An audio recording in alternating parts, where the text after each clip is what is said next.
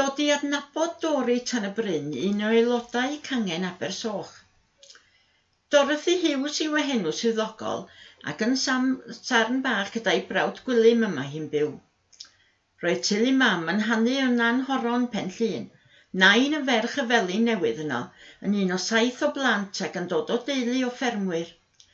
Roedd fy nhaid yn enedigol o Flaenau Ffestiniog ac wedi bod yn chwarelwr cyn dod i fferm Brynodyn Cilan i ffermio wedi ymddiol. Tyddyn deuddeg acar oedd Brynodyn oedd yn eiddo i William Felin ac yn lleol, i Gilan hannau teulu fy nhad. Ym Mrynodyn cefes i fy ngeni cyn symud fel teulu fy nhad, mam, nain a mrawd yn 1944 i fferm rent hanner can acar tan y bryn. Yn drist iawn bu farw fy nhad yn 31 oed gan adael fy mam a ni'r plant yn amddifad. Ond gyda chymorth teulu a chymdogion, llwyddodd mam i gadw'r fferm i fynd dros y blynyddoedd, hyd nes i ni ein dau gymryd y cyfrifoldeb ar ôl gadael yr ysgol. Doedd ddim llawer o waith perswadio arnom i ddod adref i ffermio, er bod amgylchiadau yn anodd ar y pryd. Godro oedd yn rhoi'r pleser mwyaf i mi. Godro fy llaw iddi am flynyddoedd.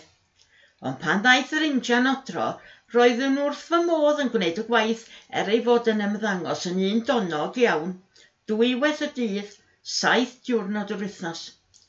Ond roedd gweithio fel hyn yn rhoi trefn ar y diwrnod. Byddem yn codi am saith i odro, brecwast wedyn, porthu tan ginio a gwneud ychydig o waith arall yn ystod y pnawn cyn mynd yn ôl i odro ar ôl te. Braf oedd na swilio ar ôl diwrnod llawn a phrysur. Byddem yn cario'r llaeth mewn caniau i'r lôn, a'r lori laeth yn dod i'w nôl i gael ei drin yn ffatri rhyd y gwistil chwilog. Hwnnw wedyn yn cael ei ddanfon i garreg y drws yn hair ardal. Rwy'n cofio fel y byddem yn dipyn o ffrindiau gyda gambell yr lori laeth a byddwn ni a fy ffrind yn cael mynd am reid ar y lori i Ben Cilan ac yn ôl. Amseroedd difyr dros ben. Yn ystod Ionawr, Chwefror a Mawrth, byddai bywyd yn prysuro arw pan fyddai rwy'n bach yn cyrraedd. Doedd dim yn rhoi mwy o bleser na chael ei gweld yn cael ei geni. Bywyd newydd ar ôl gaeaf, llwm a hir. Yn dilyn hyn, Byddai buchod yn lloi a dyma amser digon heriol ar adegau ond hapus dros ben. Yn y flwyddyn 2001, daeth cwmwl mawr dros y diwydiant pan gyrheiddwyd fod clwyd y gwartheg gwallgof y BSE wedi ei ganfod mewn gwartheg godro. Gan fod dipyn o gostau yn enwynebu fel busnes godro, bu ni benderfynu rhoi'r gorau i odro a chadw gwartheg stor. Roeddym yn teimlo hefyd ein bod ein dau ymd yn hun ac yn ffermio mes ers 77 o flynyddoedd. Mae llawer o sôn heddiw am arall gyfeirio fel pe bai'n beth newydd, ond roeddem ni yn chwilio am incwm ychwanegol flynyddoedd yn ôl a dechrau cadw visitors. Apartments i gychwyn gyda'r ymwelwyr yn prynu'r bwyd a ninnau neu baratoi. Cofiwf yn dda am deulu o Haroger Llundain yn gofyn am Yorkshire Pudding. Doeddwn ni riod wedi clywed sôn amdano heb sôn am ei baratoi.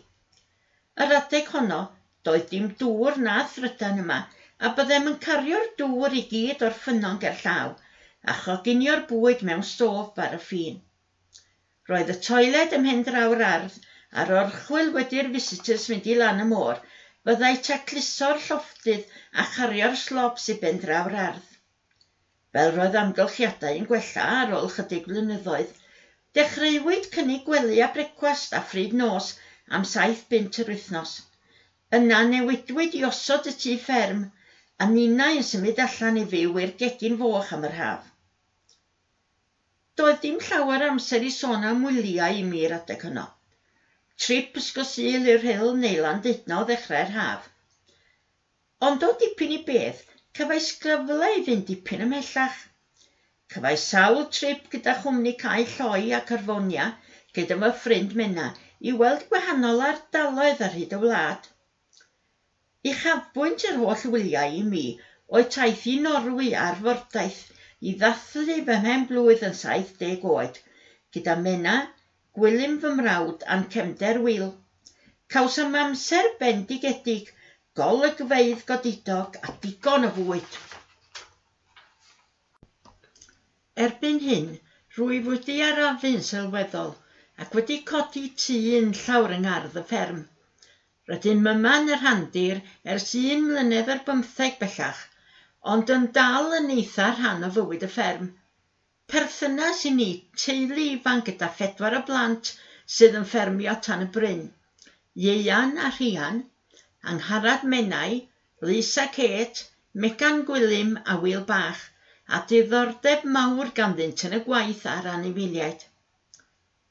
Mae hi wedi newid byd arnom ni yn dau yn cael rhywun arall i sgwyddo'r gwaith a'r cyfrifoldeb, a ninnau'n cael cyfle i wneud yr hyn allwn ni gadw ein meddyliau'n iach. Ond beth am ddyfodol y fferm deulu? Dwi ddim yn siŵr gyda'r holl reolau, costau ychwanegol a diffyg cefnogaeth a dealltwriaeth y cyhoedd a Llywodraeth y Wlad. Gobeithio bydd amgylchiadau yn caniatau i'r teulu bach fod yma am flynyddoedd i ddod. Un peth sydd yn sicr, mae'n rhaid i bobl fwyta, a fel y dywedodd Dick Jones, tra bydd dynoliaeth fe fydd o methu.